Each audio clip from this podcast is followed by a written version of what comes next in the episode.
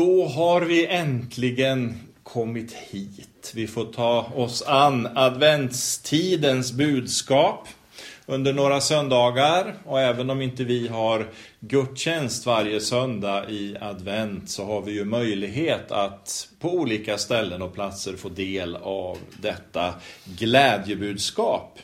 Och som ni hörde förut också så har ju advent med ankomst att göra, att gå i väntan. Och det naturliga, ja det är ju givetvis att vi nu, om vi följer kyrkoåret, förbereder Jesu födelse. Det här är ju en resa på väg mot Betlehem och Jesu ankomst. Och det är någonstans där jag tänkte börja idag, men sen kommer vi att, att kila iväg åt ett annat håll mot slutet av den här predikan. Och jag tänker utgå ifrån en predikotext som inte står i evangelieboken och som alltså inte är föreslagen för idag, men som ändå sätter fingret på kärnan i det här budskapet. Och det är från Johannes evangeliet det första kapitlet, vers 14 till och med 18. Och jag gör som jag ofta brukar göra, jag läser ur Bo Gerts översättning. Johannes kapitel 1, vers 14 och framåt. Ordet vart kött och tog sin boning ibland oss. Vi skådade hans härlighet, härligheten som den enfödde har fått av sin fader, full av nåd och sanning. Johannes vittnar om honom. Han ropar, det var om honom jag sa, den som kommer efter mig, han går före mig. Ty han var förr än jag. Av hans fullhet har vi alla fått nåd utöver nåd. Ty genom Moses blev lagen given, men nåden och sanningen kom genom Jesus Kristus. Ingen har någonsin sett Gud, den enfödde som själv är Gud och står Faderns hjärta närmast. Han har gjort honom känd. Vi tackar dig, evige Gud, för detta evangelium, detta underbara budskap, att ordet har blivit kött och genom det, genom honom, genom Jesus, har vi fått lära känna dig. Vi lägger den här stunden inför ditt ansikte och ber att din ande ska göra ord och tankar levande och verksamma. I Jesu namn. Amen. Det första jag vill stanna upp inför är just den här tanken att ordet blev kött. Det tog sin boning ibland oss. Det finns en tanke som har präglat egentligen all undervisning jag har haft sedan någonstans 2006, 2006 Eh, och det bygger på ett ganska tydligt tilltal som jag fick av Herren vid ett speciellt tillfälle. Sedan dess har väldigt mycket av både predikningar och bibelstudier, och det känner du igen som har, har hört mig, det har haft bäring på det här med Bibelns enhet. Att allting i Bibeln hör samman. Och jag tror att jag fick det där därför att vi lever i en tid som väldigt starkt betonar det subjektiva. Att var och en blir salig på sin tro. Vi har på något sätt en slags rätt i många sammanhang idag att plocka saker ur sitt sammanhang. Och så upphöjer vi personliga tolkningar och personliga erfarenheter. Och jag tycker det är gott att vi vågar se tron som någonting reellt, alltså någonting verkligt och, och påtagligt. Men också som något personligt, att det inte är något opersonligt långt borta. Utan det är bra att vi tar det till vårt hjärta och lever med det. Men vi behöver också gemenskapen. Och vi behöver traditionen. Församlingen är ett sammanhang som vi som kristna är skapade för. För problemet är ju annars att vi väldigt lätt kan glida iväg och så börjar vi skapa egna uppfattningar och tolkningar och teorier som hamnar vid sidan om Guds vilja. Kanske att man hittar ett bibelord och så tar man det till sig och, och så bygger man en hel teori och uppfattning kring det bibelordet. Så vad jag menar och vad jag ofta återkommer till är att vi kan inte ta bort någonting ifrån Guds ord bara för att vi tycker att det är obekvämt eller för att vi av någon anledning inte riktigt kan ta det till oss.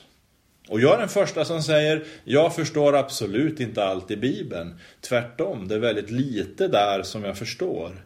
Men ändå så måste jag förstå att Bibeln är en auktoritet, en Guds auktoritet som väger mer än mina personliga tankar och känslor. Och det är någonting som vi måste förhålla oss till på olika sätt. Så när vi nu läser att ordet blev kött och tog sin boning ibland oss, så vill jag sätta det i relation till det som du och jag kallar för det gamla testamentet. Vi kan inte lämna stora delar av Bibeln bakom oss genom att hävda att nu är det det nya förbundet, nya testamentet som gäller i och med att Jesus kom. Att han skulle ha upphävt det som låg före honom. Nej, Jesus är ju själv tydlig på den punkten. Han säger att han inte kom för att upphäva det gamla, utan för att uppfylla. Eller som Paulus skriver i Romarbrevet 10.4. Kristus har fört lagen till dess fullkomning. Allt det gamla testamentet talar om och pekar på är ju att Guds frälsningsplan, återlösningen för dig och mig i gamla testamentet pekar fram mot Jesus och fullbordas i honom. Lagen genom Mose vittnar om vårt behov av frälsning.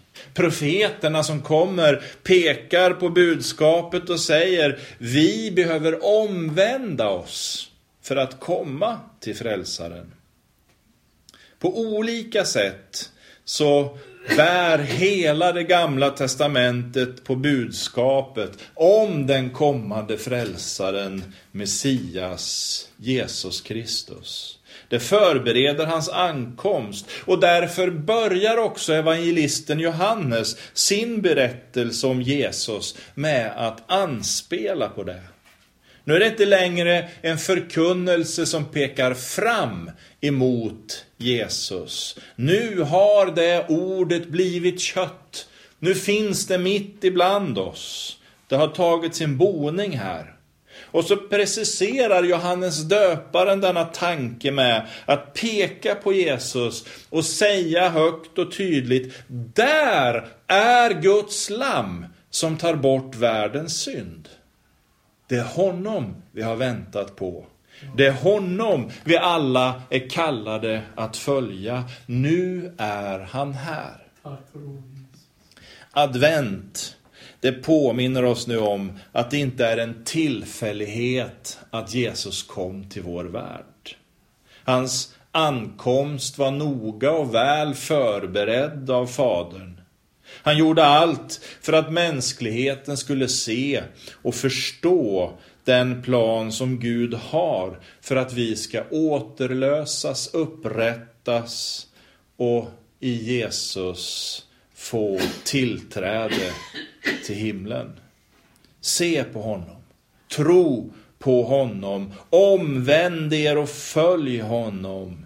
Det är tankar vi samlas kring i adventstid. Tankar som vi möter i de älskade sångerna. Gå Sion din konung att möta. Bered en väg för Herran. Hosianna Davids son. Fräls oss. Men så finns det också en annan dimension av adventstidens budskap och den är vi inte riktigt lika snabba att framhålla. Vi tänder våra ljus, Vi tänder våra stjärnor som leder oss och våra tankar fram emot krubban på juldagen. Men om vi stannar där, eller om vi möjligen följer Jesus på vägen fram emot påskens evangelium och talet om korset och uppståndelsen, så har vi ändå inte nått fram.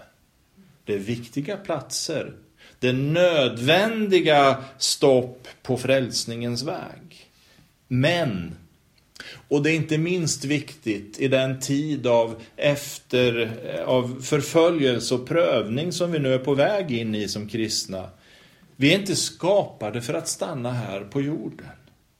Även om det här livet är en gåva från Gud som vi har all rätt att ta vara på och tycka om på alla sätt och vis, så finns det någonting annat bortom det som Herren vill att vi ska se. Därför utbrister också aposteln Paulus i Filipperbrevets tredje kapitel. Vårt medborgarskap, det har vi i himlen.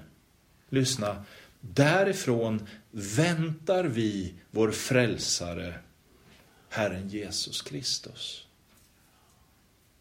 Själafienden gör allt för att binda oss vid här och nu. Själafienden har till och med, om du ursäktar, kapat julen och fått människor att tro att jul, det handlar om presenter. Det handlar om att köpa saker. Det handlar om att äta gott. Att förverkliga sig själv. Och det har blivit till ett själens ankare, inte som Bibeln talar om, når innanför förlåten, utan som håller oss kvar i denna förgängliga värld, för evigt skilda ifrån Gud. Men Bibeln lär oss att Gud har skapat människan för evig gemenskap tillsammans med honom. Och det enda säkra som du och jag kan säga om vår framtid är ju att en dag tar det slut här på jorden. För en del några få år, för andra många år. Men alla vet vi att vi ofrånkomligt möter den dag då vår jordiska kropp har gjort sitt och nått sitt slut. Lyft blicken, säger Paulus. Lyft blicken, förstå att i gemenskap med Jesus äger vi ett medborgarskap i den himmelska världen där tid och rum inte existerar. Där vi i evighet får njuta gemenskapen tillsammans med Gud Fader. Därför behöver vi också påminna oss i adventstid om att Jesu ankomst inte bara var i krubban i Betlehem.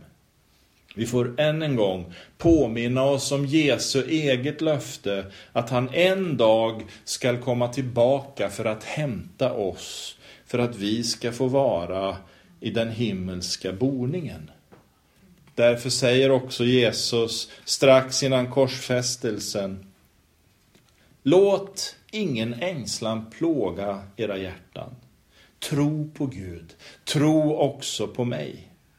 I min faders hus finns många boningar. Vore det inte så hade jag sagt er det. Nu går jag dit för att bereda er rum. Och när jag har gått dit och berett er rum skall jag komma tillbaka och taga er till mig för att också ni skall vara där jag är. Låt oss be. Vi tackar dig Fader för adventstidens underbara evangelium. Vi tackar dig Herre för att du har kommit för att öppna pärleporten. Du har kommit för att bereda en väg för oss till gemenskap med vår skapare. Tack att det finns en plats i himlen som du har förberett var och en.